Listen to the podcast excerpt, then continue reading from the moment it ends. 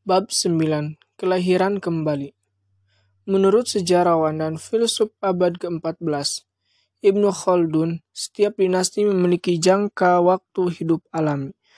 Tahun-tahun pertama dinasti akan diwarnai pertumbuhan yang ekspansif, keteguhan gurun, etos kerja keras, dan rendahnya hasrat akan kemewahan duniawi.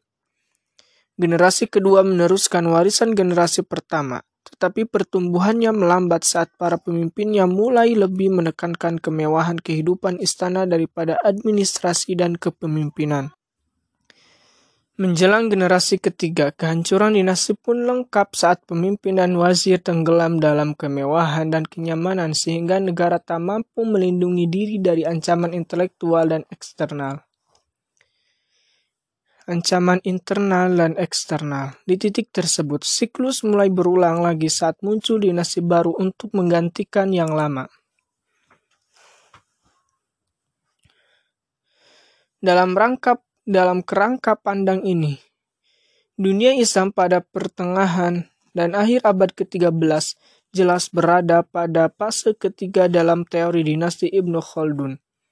Pemimpin yang tak kompeten, kelu, keles, Kelesuan kelompok tentara serta kekayaan dan kemewahan berlebihan memengaruhi ketidakmampuan.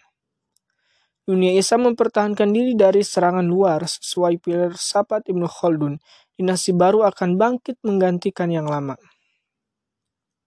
Keturunan Osman, pejuang Turki di Anatolia Barat, akan bangkit pada abad ke-14 dan ke-15 sebagai kekuatan Islam utama dan memandu era baru kestabilan pertumbuhan dan keajaiban budaya. Tetapi berlawanan dengan teori Khaldun, kerajaan baru ini akan bertahan jauh lebih lama daripada tiga generasi. Dinasti ini akan berlanjut menjadi kekuatan dunia sampai kejatuhannya pada Perang Dunia I awal 1900-an. Asal mula Ottoman, Akibat serangan gencar Mongol, banyak keluarga Turki melarikan diri ke Asia Tengah untuk mengungsi ke daerah perbatasan dunia Islam. Karena terbiasa hidup nomaden, secara tradisional mereka mampu beradaptasi dengan cepat dan mudah di mana saja termasuk di bekas wilayah kekuasaan Bizantium. Sejak Seljuk mengalahkan Bizantium di perang Manziret Manzikert pada 1071 Anatolia terbuka bagi penaklukan dan pemukiman bangsa Turki.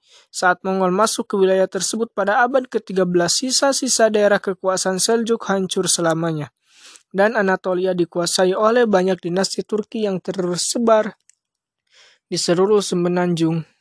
Negara-negara kecil yang disebut Beylik ini biasanya didirikan oleh pemimpin militer karismatik yang disebut Bey. Seorang bayi bernama Osman mengatur negara tentara kecil di pinggiran Kaisaran Bizantium. Dari sekian banyaknya beylik di Anatolia, beylik Osman akan bangkit menjadi salah satu kekuatan dunia. Penyebabnya sulit dipastikan, tetapi fakta pentingnya beyliknya berbatasan dengan negara Bizantium yang sedang runtuh. Bizantium menjadi bayangan dari bekas dirinya sendiri. Kekaisaran yang pernah menjadi raksasa ini hanya mengendalikan Konstantinopel, Yunani, dan sebagai Balkan. Menjelang awal 1300-an, daerah-daerah itu masih memulihkan diri dari penguasa Latin pembawa bencana di Konstantinopel sejak 1020. 1204 sampai 1261 yang secara efektif mengakhiri kekuasaan Konstantinopel sebagai kota terbesar dan terhebat di dunia. Osman mampu mengambil keuntungan diri dari kelemahan Bizantium dan membidik perluasan daerah kekuasaan terus ke wilayah Bizantium. Lebih jauh ia dibantu kenyataan bahwa para pengungsi dari dunia Islam sedang melarikan diri dari serangan Mongol. Ia memberikan sumber daya manusia berharga bagi beylik kecil tersebut. Dalam konteks ini, gagasan tentang jihad keluar melawan pihak yang dianggap musuh Islam bangkit kembali terutama saat Osman memimpin tentaranya menyerang musuh yang sama yang telah dipengaruhi Rashidun, Umayyah, dan Abbasiyah berabad lalu.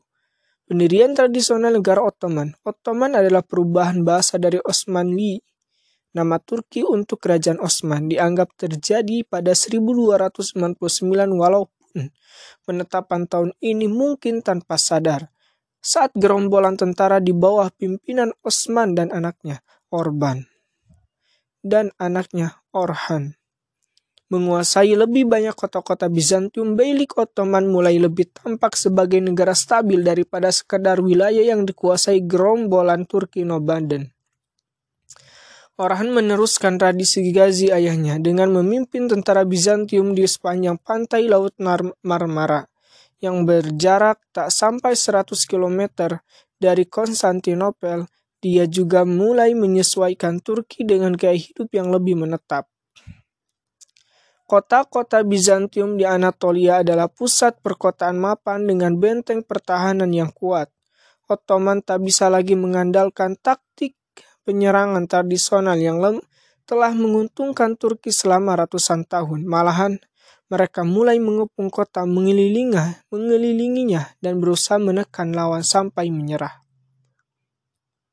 Orang-orang Bizantium yang telah disibukkan dengan kacauan sipil di Balkan pada awal 1300-an tak mampu mempertahankan titik-titik terluar mereka di Asia. Ottoman pun dengan cepat meluaskan daerah kekuasaannya saat Bizantium melemah, Ottoman menguat. Dalam beberapa dekade pertama pada 1300-an mereka berubah dari segerombolan tentara suku kecil menjadi beylik terkuat di Anatolia dan menjelma ancaman serius bagi keberlanjutan Kaisaran Bizantium. Ancamannya begitu kuat sehingga Kaisar Andronicus dari Bizantium terpaksa bertemu dengan Orhan untuk membahas pembayaran upeti kepada Ottoman sebagai balasan atas keselamatan beberapa benteng Bizantium yang masih tersisa. Memasuki akhir abad ke-14, Ottoman terus meluaskan pengaruh ke wilayah yang selama ini belum pernah dilihat pasukan Islam sejak serangan Umayyah ke Konstantinopel 700 tahun sebelumnya. Pada 1350-an, Ottoman menyeberangi Selat Dardanella dan masuk ke Eropa untuk kali pertama. Dengan memanfaatkan perpecahan Bizantium, Sultan Orhan dan kemudian anaknya Murad I mampu menegakkan otoritas Ottoman di sebagian Ters. Berkat sejarah nomadennya, Turki mampu memindahkan seluruh keluarga dan sukunya dengan mudah ke perbatasan Eropa dan mendirikan kota baru di seluruh tanah taklukan. Perpindahan demografi besar ini memberikan stabilitas di wilayah yang akan dikelola Ottoman. Pertumbuhan mengesankan negara Ottoman dari beylik kecil Turki menjadi kekuatan religional regional pada abad ke-14 dimungkinkan oleh tradisi intelektual unik yang menjadi landasan Ottoman. Pada awal berdirinya Ottoman, perang melawan Bizantium menjadi tugas keagamaan. Ghazi, pejuang keimanan, yang bertempur di bawah pimpinan Osman, Orhan, dan Murad percaya bahwa mereka melanjutkan tradisi yang sudah berlangsung berabad-abad tentang musim yang mengangkat senjata melawan Bizantium.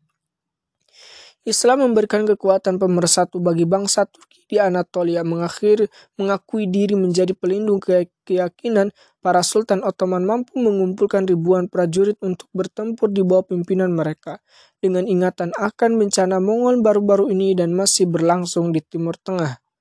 Harapan untuk menghadirkan kejayaan Islam sekali lagi menjadi faktor pendorong bagi bangsa Turki Islam. Satu-satunya kekuatan yang mampu menyatukan sekelompok orang yang terpecah nomaden dan beragam seperti bangsa Turki perbatasan yang pada abad ke-14 karena Ottoman memberikan penekanan pada tradisi Islam, hukum perang Islam pun berlaku. Kembali pada 630 saat Khalifah Abu Bakar mengirim kekuatan ekspedisi ke utara untuk menghadapi Bizantium. Ia menerapkan aturan tegas untuk tidak melukai penduduk sipil atau mengambil harta benda pribadi dan hanya membunuh tentara musuh. Tradisi tersebut berlanjut di, berlanjut di bawah Ottoman yang sepertinya sangat toleran terhadap penduduk non-muslim di wilayah kekuasaannya. Saat pasukan Ottoman maju ke Eropa, para penduduk Para penduduk desa dibiarkan begitu saja selama tidak memberontak secara aktif terhadap otoritas Ottoman. Kebebasan yang diberikan Ottoman sangat kontras dengan perilaku pejuang perang salib Latin seabad sebelumnya yang memperkosa dan menjarah wilayah Bizantium selama beberapa dekade. Sebagai perbandingan, Ottoman adalah penakluk yang toleran dan adil, sementara itu kelas bangsawan Eropa Tenggara umumnya sangat ingin mencari bantuan dari Katolik di Barat dalam menghadapi invasi Ottoman tetapi masyarakat luas tidak siap menghadapi dominasi Latin di tanah mereka sekali lagi. Sepertinya mereka mendukung Ottoman dalam banyak hal.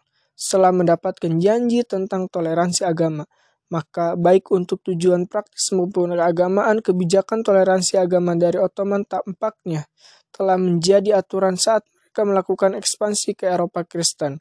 Periode terbaik ekspansi awal Ottoman terjadi pada zaman Sultan keempat, Bayezid I 1389 sampai 1402.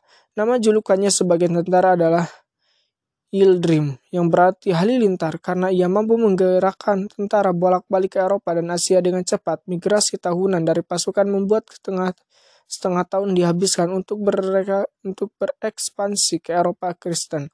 Sedangkan setengah tahun lagi dihabiskan di Asia melawan musuh Turki dan sebagian mengislamkan Mongol. Di Eropa, ia memperluas wilayah yang tetap di bawah kedaulatan Ottoman sampai gelombang Nasionalisme Eropa menyapu kaisaran itu pada 1800-an ia menaklukkan Serbia, Bulgaria, dan Yunani. Untuk kali pertama, Ottoman juga menyeberangi sungai Danube, masuk ke Wallachia. Ottoman tak memiliki teknologi atau jumlah pasukan untuk mendudukan kota tersebut. Toh tanpa ibu kota kerajaan tersebut, Ottoman sudah menjadi salah satu kerajaan terkuat di Eropa dan dunia Islam.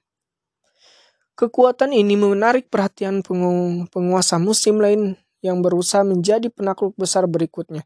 Timur memimpin Mongol yang menguasai Asia Tengah dan Persia, berusaha mengembalikan otoritas Mongol ke Anatolia dengan menghadapi ekspansi Ottoman. Walaupun seorang muslim tindakan timur dalam perang tak berbeda dari nenek moyangnya yang non-muslim yang menghancurkan wilayah ini 100 tahun lalu. Ia ingin mengembalikan kaisaran Mongol yang didirikan Genghis sehingga harus menghapuskan kerajaan antar benua Ottoman. Dalam Perang Ankara pada 1402, dua pemimpin militer besar Bayezid dan Timur berjumpa. Meskipun diperkuat tentara dari negara pasal pasal Kristen Eropa, Ottoman kalah mutlak. Sang ahli lintar yang agung sendiri tertangkap dalam perang dan dibawa ke ibu kota kekuasaan timur, Samarkand. Sementara itu, wilayah Ottoman dibagi kepada keempat anak Bayezid oleh Timur. Ia berharap mereka saling bertempur untuk mengakhiri Kaisaran Ottoman. Selama 11 tahun kemudian, Kaisaran Ottoman mengalami perang saudara. Anak Bayezid yang bernama Isa, Musa, Sulaiman, dan Mehmet membangun pasukan dan sering bentrok di Eropa serta Asia. Masing-masing berusaha menjadi pewaris tunggal kerajaan ayahnya, Ottoman Interregnum. Demikian kerajaan ini disebut menjadi contoh salah satu masalah inheren dalam dinasti tak pernah ada prosedur suksesi formal yang dapat dipilih oleh para sultan. Sepertinya Ottoman percaya bahwa anak yang paling mampu entah bagaimana akan bangkit dan memenangkan tahta setelah kematian ayahnya. Ini akan memastikan hanya yang terbaik dari dinasti tersebutlah yang menjadi sultan sehingga negara akan tetap kuat selamanya. Tetapi pada praktiknya, tradisi ini menimbulkan perang saudara yang umumnya pecah setelah kematian seorang sultan. Hal ini terus akan menjadi masalah sampai Sultan Ahmad I merumuskan kebijakan suksesi resmi pada abad ke-17. Akan tetapi pada awal 1400-an anak-anak sultan harus bertempur sampai mati menjelang 1413. Mehmet muncul sebagai pemenang atas saudara-saudaranya dan mampu menyatukan wilayah kerajaan di bawah kendalinya. Sebagaimana cara ia menyatukannya secara militer tidak sepenting penyebab kekaisaran Ottoman mampu merekonstruksi merekonstitusi diri setelah perang saudara selama 11 tahun. Alasan utamanya adalah institusi yang dibangun Ottoman di seluruh wilayah mereka pada abad ke-14 di atas segalanya. Ottoman menekankan Islam sebagai faktor pemersatu untuk membantu mengembalikan para pemimpin Turki di bawah kendali Ottoman saat Mehmet memerangi memenangi perang saudara. Sebagai penjaga perbatasan Islam, penduduk muslim di Anatolia dan Balkan mengandalkan Ottoman terbaginya kerajaan pada keempat anak mengurus mengurangi kekuatan melawan kekuasaan Bizantium. Saat Mehmet muncul sebagai pemenang musim di wilayah tersebut sekali lagi bersatu seperti sebelumnya, di bawah negara Islam yang melawan Bizantium dan negara Kristen lainnya. Selanjutnya, Ottoman menetapkan sistem gilda yang juga memanfaatkan identitas Islam Turki di seluruh wilayah Ottoman. Sistem gilda bebas disebut Akhis Sistem ini semacam perserikatan yang mengatur praktik, manufaktur, dan urusan bisnis lainnya. Akhir biasanya, akhis biasanya berkaitan dengan kelompok sufi dan memberikan penekanan khusus pada kemajuan spiritual anggotanya. Sejalan dengan yang mereka lakukan dalam bisnis dan perdagangan, cara ini memberikan basis perekonomian yang membuat Kaisaran Ottoman dapat menyusun kembali dirinya setelah interregnum. interregnum. Tradisi militer juga berperan penting dalam upaya penyatuan kembali selama kekuasaan Orhan Korps prajurit elit direk direkrut untuk mengabdi langsung kepada Sultan Ottoman. Pasukan ini dikenal sebagai Janissaries dari kata Turki Yeniçeri yang berarti pasukan baru. Pada masa Sultan Bayezid, Korps Janissaries berjumlah seribuan orang yang direkrut sebagian besar dari penduduk Kristen di Balkan karena berasal dari beragam etnis tetapi disatukan dalam korps korps yang setia pada negara Ottoman. Mereka berfungsi menyatukan berbagai budaya dan latar belakang yang hidup di bawah kedaulatan Ottoman. Orang Yunani, Serbia, Albania, Bulgaria, dan yang lainnya terlibat dalam salah satu institusi paling pres Tisius di Kekaisaran Ottoman. Hal ini jarang terjadi pada Bizantium, Yunani, dan Katolik Latin. Begitu Mehmet menyatukan seluruh kaisaran pada 1410-an, periode itu dilanjutkan dengan sedikit rasa sakit akibat interregnum. Di bawah Sultan Murad II, pemimpin pada 1421 sampai 1444 dan 1446 sampai 1451 Ottoman terus mencaplok wilayah Bizantium hingga hanya tersisa Konstantinopel dan sekitarnya. Murad mencoba merebut Konstantinopel dan menghapus sisa-sisa keisaran Bizantium itu, tetapi pengepungannya gagal mengalahkan benteng kota yang kuat. Tantangan untuk menjinakkan kota yang sepertinya tak tertaklukkan itu diterima anaknya, Mehmet II, yang akan tercatat dalam sejarah sebagai salah satu pemimpin militer Islam terbesar. Kemenangan Kekaisaran Ottoman Mehmet II naik tahta pada 1451 saat berusia 19 tahun. Kerajaan Ottoman sejauh ini menjadi kekuatan utama di Eropa Tenggara dan Anatolia. Kerajaan ini multi etnis, fleksibel, dan kuat. Mungkin tak ada yang bisa mempresentasikan kerajaan ini selain Mehmet. Ia lancar berbicara paling tidak enam bahasa yang digunakan di wilayah kekuasaannya. Islam mendapat penekanan khusus dan para ulama sangat dihargai pada zamannya. Kaisaran ini secara harfiah dan kiasan menjadi jembatan antara Eropa dan Asia. Mehmet sangat menekankan arti penting upaya menyatukan warisan keduanya. Selama masa kekuasaannya, cendikiawan pengetahuan Islam tradisional didukung untuk berkembang bersama seniman Kristen Eropa. Mehmet mengingatkan kita kepada pemimpin Islam sebelumnya, seperti Harun ar-Rasyid dan Saladin yang menguasai pengetahuan kepemimpinan serta kecapak, kecakapan militer.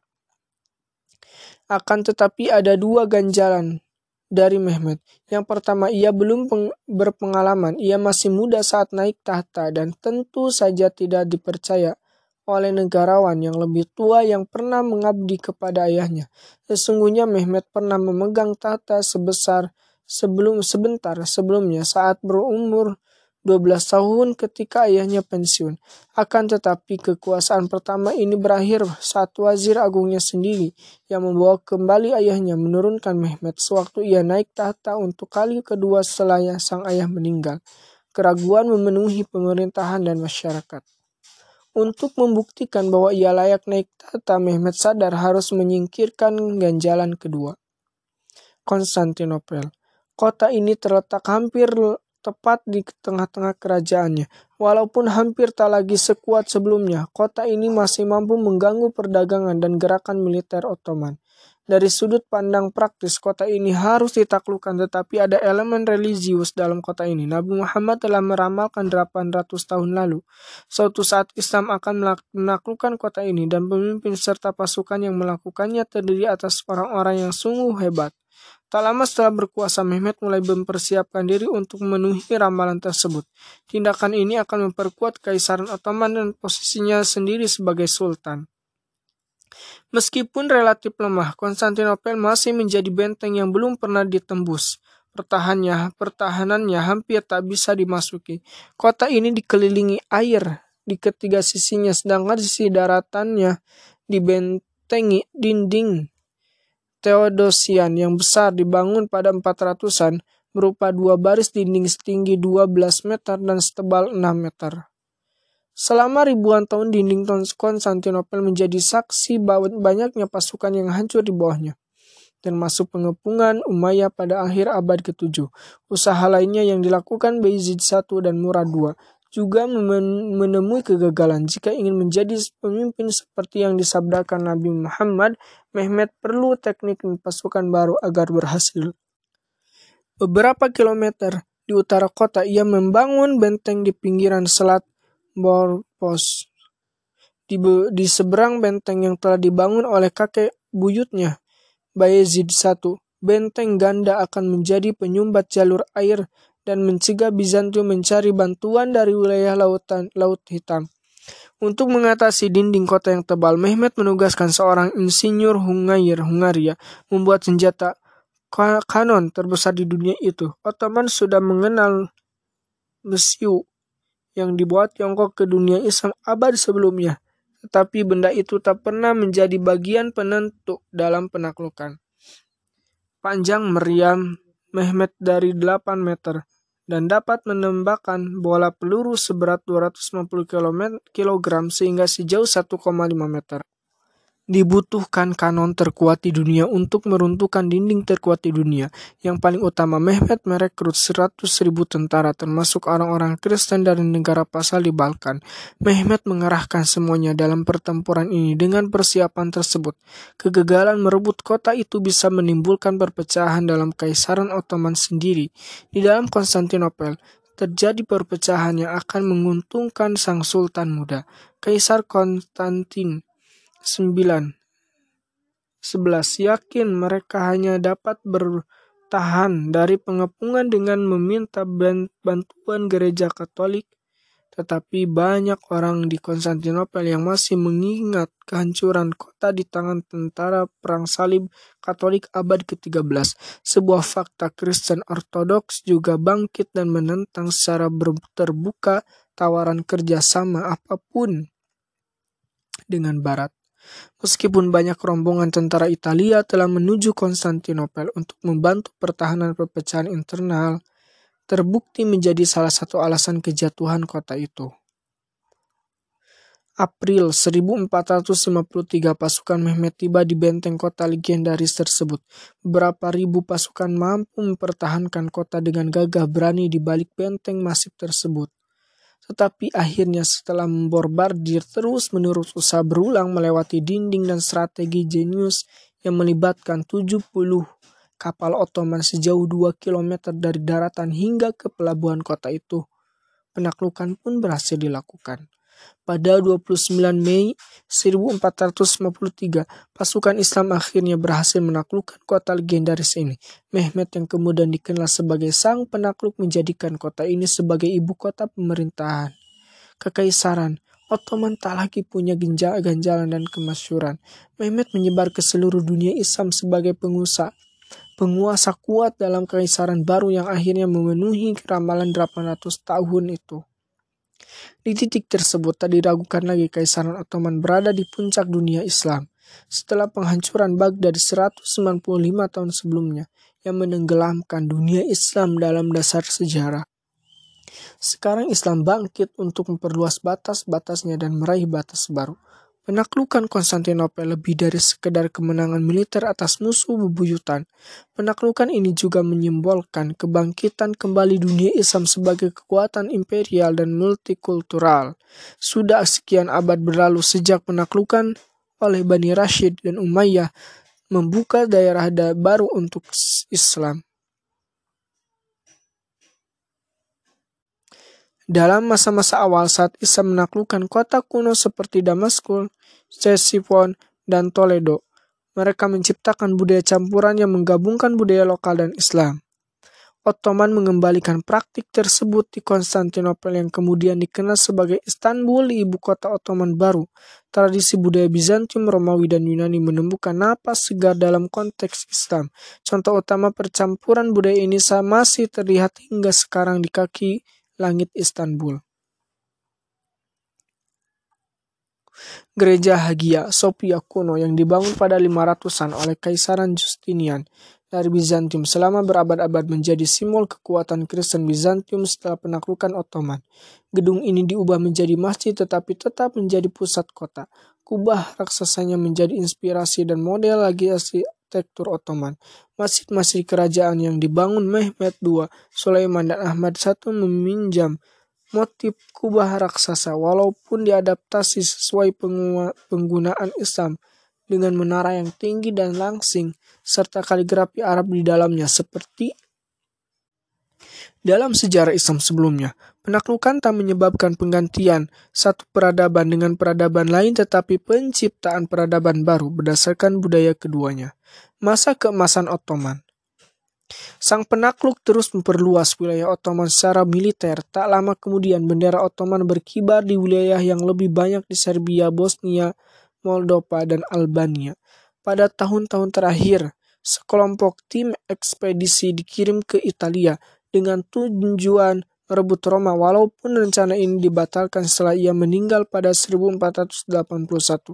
Ekspansi militer dan ekonomi dilanjutkan penerusannya Sultan Bayezid II dan Salim I dalam 8 tahun masa pemerintahan Salim dari 1512 sampai 1520. Ottoman mengalahkan dinasti Safavid di Persia dan mencaplok seluruh kesultanan Mamluk di Mesir, jantung tradisional dunia Islam. Termasuk Suriah, Mesir, dan kota suci berada di bawah kendali Ottoman. Dinasti ini pun menjadi pengambil, mengambil peran religius, perlindungan terhadap Mekah, Madinah, dan Yerusalem, menjadi tanggung jawab Sultan Ottoman. Selain itu, Khalifah Abbasiyah yang tinggal nama saja di bawah perlindungan Mamluk di Kairo secara resmi berakhir saat Sultan Salim I mewarisi gelar sebagai Khalifah Ottoman pertama. Walaupun tak menggunakan gelar secara berlebihan, implikasi sebagai negara terkuat serta kedudukan sebagai khalifah membuat Ottoman diharapkan menjadi penjaga Islam. Oleh karena itu Ottoman membantu kaum muslim melawan kekuatan Eropa yang tumbuh hingga ke Afrika Utara dan Indonesia sepanjang abad ke-16 dan ke-17. Kekaisaran Ottoman sebagai negara Islam tak menindas dan menaklukkan penduduk non-muslim. Sesuai hukum Islam, non-muslim diperbolehkan melakukan ibadah berdasarkan agamanya. Ottoman juga melangkah lebih jauh. Mereka mengizinkan orang Kristen dan Yahudi membentuk komunitas semi Ottoman. Dalam sistem yang disebut milet, non-muslim diperbolehkan memilih pemimpinnya sendiri yang mewakili mereka dalam pemerintahan Ottoman. Pemimpin ini, pemimpin ini berlaku sebagai perantara antara Sultan Ottoman dan berbagai komunitas kepercayaan di dalam kerajaan. Secara bertahap puluhan milit terbentuk untuk mewakili banyaknya gereja Kristen di wilayah Ottoman. Bagi kerajaan yang memiliki penduduk mayoritas non-muslim melibatkan dan menyatukan mereka sangat penting, tak seperti kerajaan Eropa lain saat itu. Homogenitas etnis dan agama dalam batas-batas wilayah bukanlah prasyarat bagi kestabilan dan kekuatan Ottoman. Malahan yang membuat kerajaan ini begitu besar adalah kemampuan untuk melayani berbagai masyarakat dan mengambil manfaat dari apa yang bisa mereka sumbangkan pada kerajaan. Masa ke masa keemasan negara Ottoman tak diragukan lagi terjadi pada 40 tahun masa kekuasaan Sultan Sulaiman dari 1520 sampai 1566. Pada masa itu Kesultanan Ottoman mencapai kekuatan yang terbesar. Semenanjung Balkan, dunia Arab yang terdiri atas jazirah Arab dan Afrika Utara, sebagian pegunungan Kaukasia dan Persia berada di bawah kendali Ottoman. Sultan yang energik ini menjadi pribadi pemimpin penyerapan ke Rhodes dan Belgrade. Benteng yang sebelumnya tak ditaklukan tetapi ia gagal dalam pengepungan Wina pada 1526 yang menjadi batas antara Eropa Kristen serta Islam pada abad ke-16 dan ke-17. Ekspansi terus-menerus memberikan pampasan perang lebih banyak, menyokong perekonomian yang telah cukup kuat karena rute perdagangan menguntungkan yang melalui kerajaan kekuatan ekonomi yang besar juga menghasilkan kemajuan budaya yang tinggi. Tetapi adanya saingan kekuatan politik, militer, dan ekonomi Sulaiman mampu membuat perubahan besar dalam sistem hukum Ottoman bersama mufti besar Ebu Sud Effendi pejabat hukum tertinggi kerajaan ia menulis ulang seluruh buku hukum tentang kerajaan. Seperti hampir di semua negara Islam, perangkat hukum tertinggi tetaplah syariah. Hukum Islam berdasar Quran dan hadis, tetapi hukum sekuler kerajaan yang dibuat sultan sebelumnya harus diteliti agar tidak saling bertabrakan atau melanggar syariah. Hukum yang usang, kontradiktif, atau tak islami dibuang hasilnya berupa kode hukum yang ramping dan tegas yang bisa digunakan kerajaan Ottoman selama ratusan tahun. Oleh karena itu rakyatnya mengenal dia sebagai Kanuni, sang pembuat hukum. Saat Sulaiman meninggal pada 1566, kekuasaan beralih ke Salim II. Tak seperti Salim pertama, anak kesayangan Sulaiman ini tak cakap sebagai administrator ataupun pemimpin militer.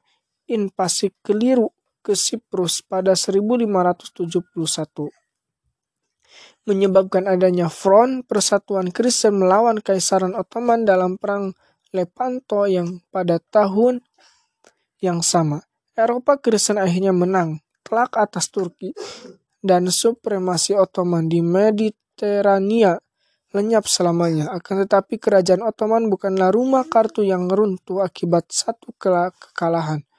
Ottoman menjadi tetap menjadi kekuatan Eropa utama selama ratusan tahun setelah kekuasaan Salim pada penaklukan Ottoman baru berakhir pada akhir abad ke-16.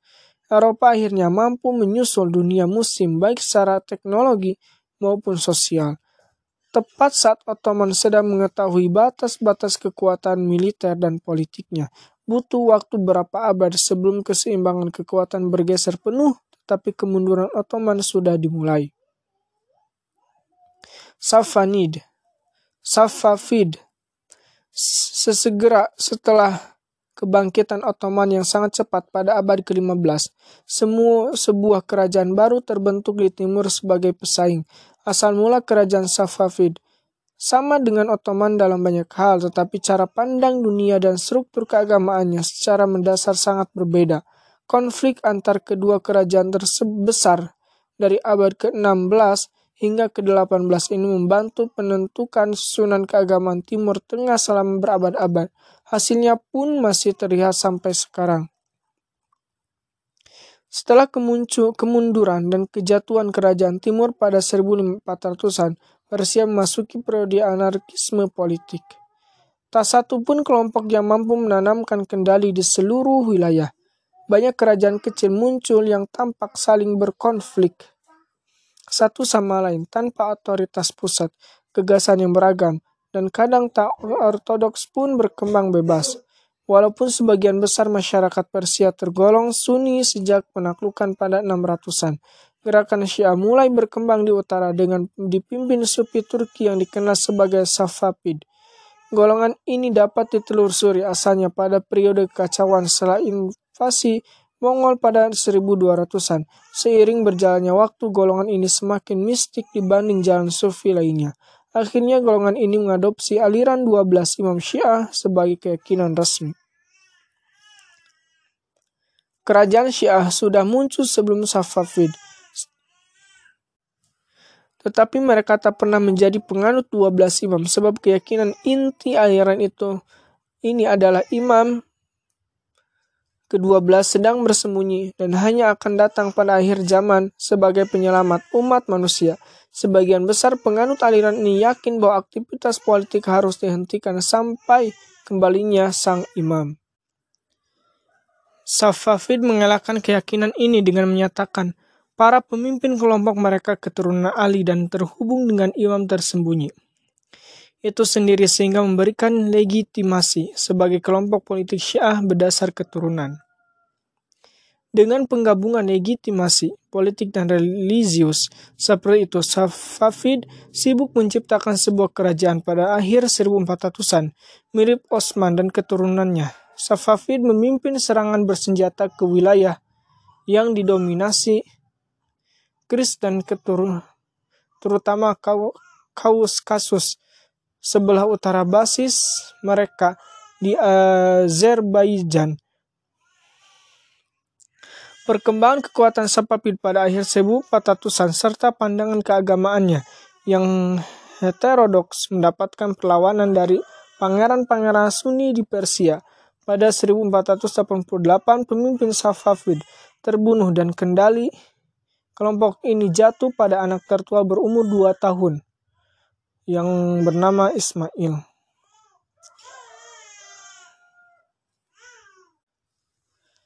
Sepanjang masa kecil ia bersembunyi dilindungi sekelompok tentara yang setia kepadanya dan dikenal bernama Gizilbas, bahasa Turki untuk kepala merah, mengacu pada topi merah khusus yang mereka kenakan. Saat Ismail akhirnya cukup umur, terbukti ia mampu menjadi komandan militer dengan memimpin Gizilbas menang melawan pangeran Turki di Azerbaijan. Pada 1501, akhirnya ia mampu merebut kota Tarbiz yang akan menjadi ibu kota pemerintahannya. Tahun-tahun berikutnya diwarnai kemenangan dan menjelang 1510. Sebagian besar Persia berada di bawah kekuasaannya. Ekspansi Ismail dari daerah asal Safavid bukan sekadar hasil kemampuan militer dan akibat perpecahan Persia. Ismail juga manfaatkan rasa nasionalisme Persia yang lama terpendam di alam bawah sadar masyarakat. Sejak penaklukan Islam pada 600-an, Persia tak pernah memiliki pemerintahan asli orang Persia. Bangsa Arab Turki kemudian Mongol mendominasi wilayah ini bahkan saat masyarakat umum memegang teguh identitas Persia pra-Islam. Ismail mengedepankan kembali identitas tersebut. Ia menyatakan diri sebagai sah istilah pra-Islam yang berarti raja. Ini membangkitkan kemenangan. Kerajaan Persia pada masa lalu, bahasa Persia menjadi bahasa pengantar di pemerintahan dan masyarakat. Untuk menjadikan kerajaan lebih seragam, Ismail menggabungkan nasionalisme Persia dengan Syiah 12 imam Gerakan aliran Syiah ini menjadi agama resmi kerajaan dan secara kasar dipaksakan kepada rakyat. Islam Sunni dianggap melanggar hukum dan penduduk diberi pilihan untuk pindah, mengungsi atau mati. Ulama-ulama Syiah dibawa dari luar kerajaan terutama Irak dan Lebanon. Untuk mengajarkan keyakinan baru kepada masyarakat dan menghapus warisan intelektual Sunni. Tanah asal ulama Sunni besar seperti Abu Hanifah, Ibnu Sina, dan Al-Bukhari dengan segera menjadi pusat pergerakan Syiah. Tapi Ismail tak puas. Hanya mengendalikan keyakinan orang Persia dan berharap dapat memasukkan orang Syiah di dalam kerajaan dan di luarnya.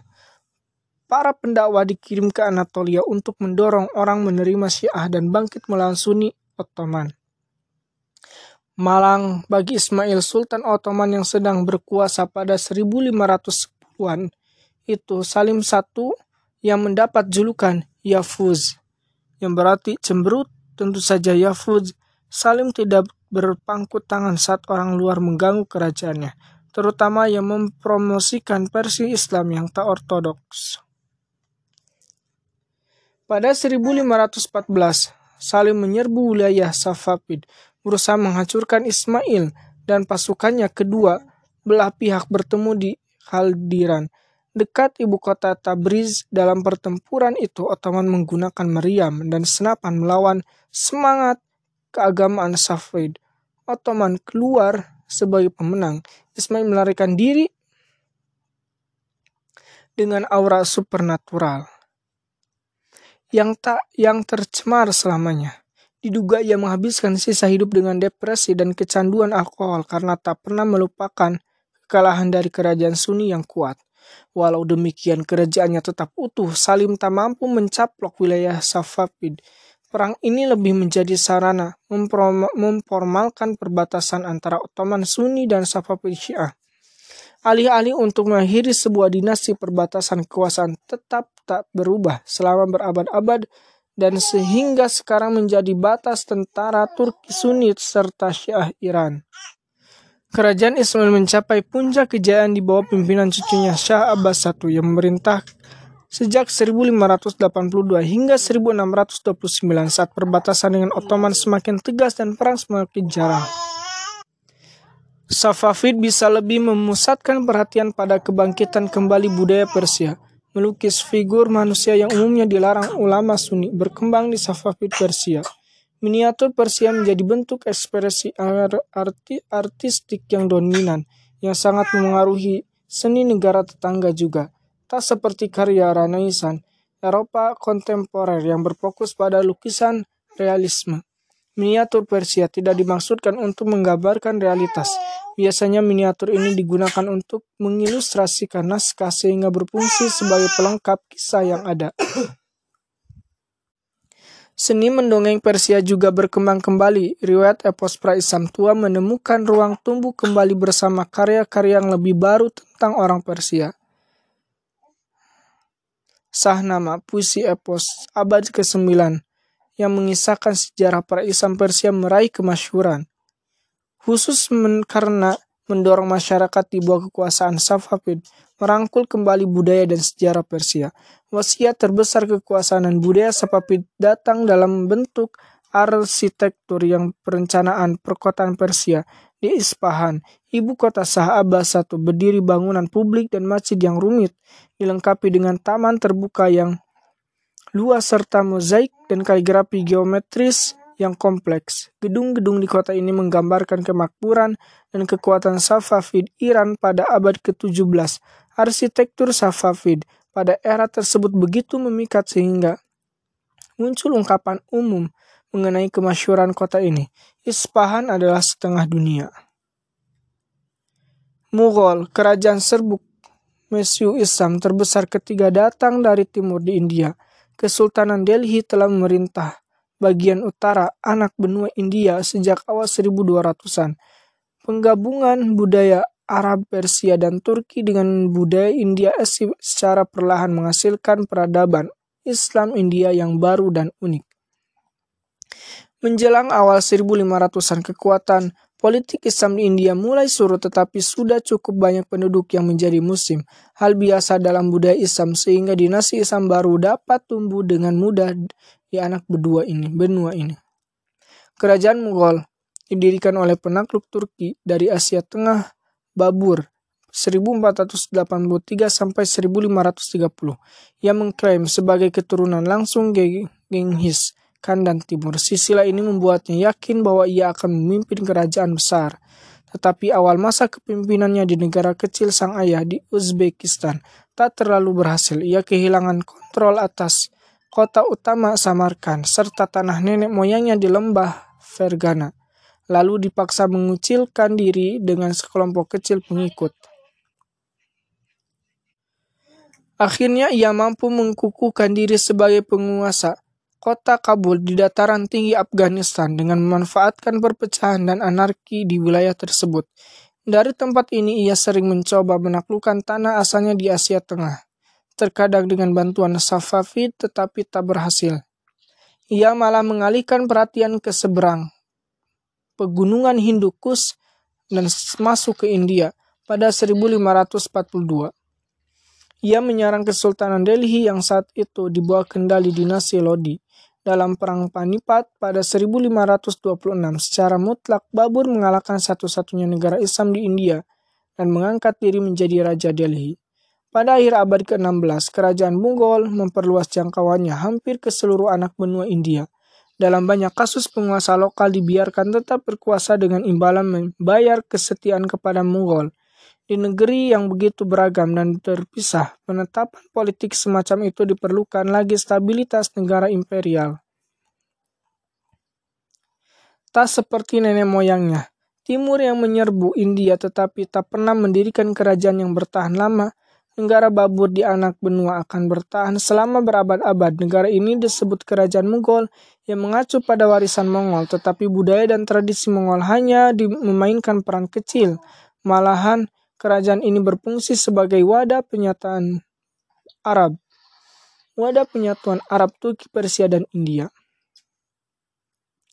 Mirip seperti kerajaan Ottoman yang sezaman, kerajaan Mughal menyatukan beragam manusia dan tradisi. Tak lazim lagi seorang Hindu di kerajaan Mughal membaca dan menulis dalam bahasa Persia.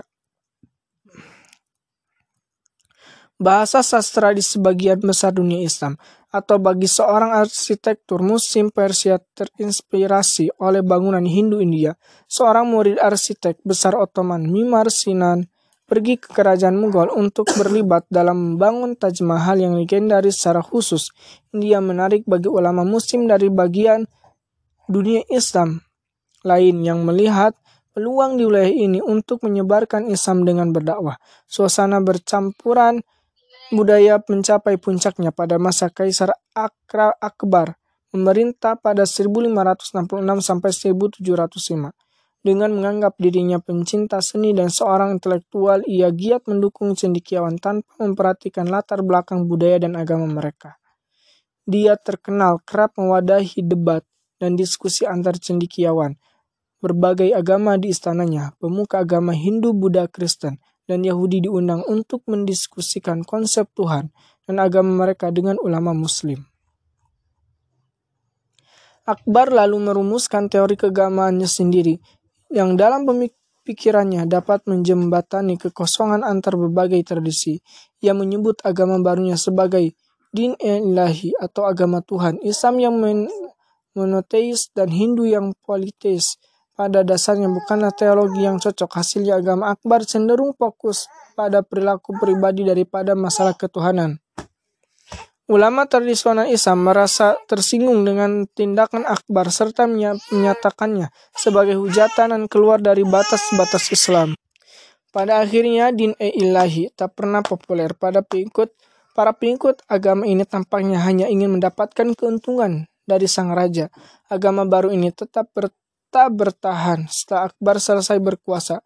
Toh eksistensinya yang singkat membuktikan adanya percampuran budaya sosial, bahkan keagamaan tingkat tinggi dalam keragaman Mughal India. Penguasa penerusnya merencanakan jalan kembali ke Islam tradisional. Hal ini mencapai puncaknya pada masa Aurangzeb, memerintah pada 1658 sampai 1707. Kaisar Mughal ketujuh yang berkuasa di puncak Mughal gelar kerajaannya Alamgir penakluk dunia lantaran ekspedisi militernya ke seluruh India. Masa kekuasaannya selama empat 49 tahun ditandai oleh peningkatan aktivitas militer. Kerajaan Mughal dan kealiman pribadi serta dukungannya pada pengetahuan Islam. Ia terkenal atas ketidaksetujuan terhadap pembangunan Taj Mahal oleh ayahnya, Sanjarha, Sanjahan. Bangunan ini merupakan makam yang besar dan mahal. Aurangzeb melihatnya sebagai pemborosan dan bertentangan dengan yang diajarkan Nabi Muhammad. Ia juga merasa perlunya disusun petunjuk lengkap hukum Islam kebutuhan musim India. Maka dari itu ia mengumpulkan ratusan ulama hukum Islam untuk mengerjakan solusinya. Hasilnya fatwa E Alamgiri, fatwa Amangiri, Alamgiri yang monumental. Kumpulan fatwa berdasarkan hukum Islam mazhab Hanafi. Karya ini ia gunakan sebagai hukum legal resmi di kerajaan. Menelaah kembali negara Islam pertama di Madinah Aurangzeb menetapkan Syiah Syariah Islam sebagai hukum di India. Hal ini meningkatkan popularitasnya di kalangan rakyat di seluruh India. Ia menghapuskan pajak yang tak sesuai Islam sehingga meringankan beban finansial rakyatnya. Dalam hubungan dengan non-muslim, Kaisar Aurangzeb telah mencapai reputasi modern sebagai raja fanatik dan tidak toleran. Warisannya menggambarkan dampak politik modern terhadap cara pandang seseorang memahami masa lalu. Perlu diperhatikan bahwa banyak kuil Hindu di India dihancurkan selama masa pemerintahannya. Fakta sejarah ini, serta ketaatan yang tinggi pada Islam, telah mengarahkan banyak ahli sejarah dan penulis pada zaman sekarang menyebutnya sebagai penguasa yang tak toleran dan penindas. Akan tetapi alasan dibalik penghancuran itu harus dianalisis untuk memahami penguasa jenis apa ia dan secara umum bentuk kekuasaan Mughal itu sendiri. Selama abad ke-17, kuil-kuil India umumnya digunakan sebagai pusat kegiatan politik selain tempat ibadah.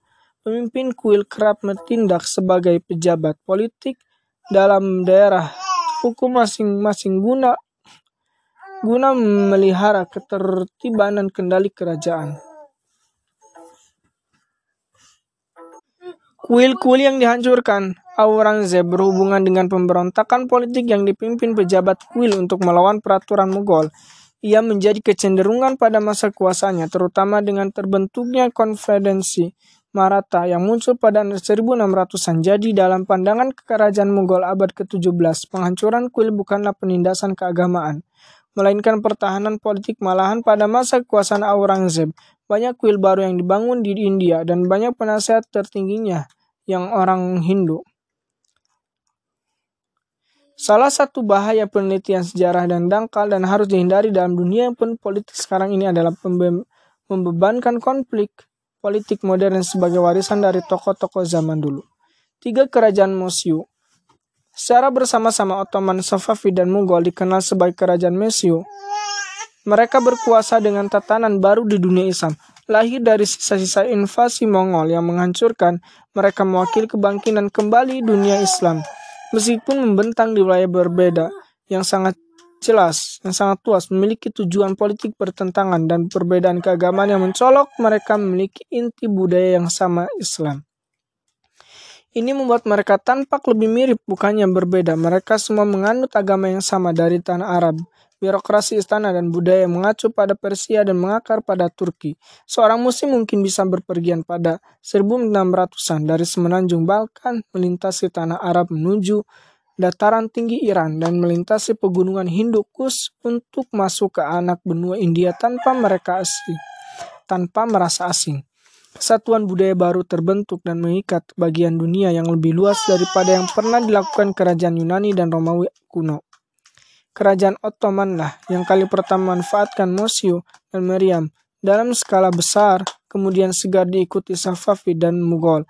Tingkat pencapaian ilmiah dan tekniknya ter tentu saja tak sebanding dengan masa kemasan ilmu pengetahuan dinasti Abbasiyah, tetapi ini menandai era berakhirnya superioritas Islam di bidang teknik begitu negara-negara Eropa lebih unggul pada akhirnya tiga-tiga kerajaan itu lenyap pada abad ke-18 dan ke-19. Yang paling signifikan bagi dunia Islam modern adalah pandangan tentang persatuan Pak Islam yang tampaknya tak lagi layak dinasti Umayyad dan Abbasiyah pernah memimpin kerajaan membentang dari Spanyol hingga India. Tetapi model politik seperti itu tak memadai lagi. Kekhalifahan dipegang Ottoman, tetapi sebagian ulama hukum Islam seolah menerima ide bahwa setiap wilayah memiliki khalifah sendiri. Ada beberapa surat dari Sultan-Sultan Ottoman yang ditujukan kepada Raja Mughal dengan gelar Khalifah Amir al-Mu'minun yang berarti pemimpin mukminin. Ada pula beberapa usaha dalam penyatuan para Islam, pan-Islam, secara simbolis yang paling terkenal terjadi pada masa pemerintahan Sultan Abdul Hamid II dan Ottoman pada akhir abad ke-19 tetapi saat kerajaan Musyu ini bangkit kegunaan kerajaannya kerajaan pan-Islam melesat.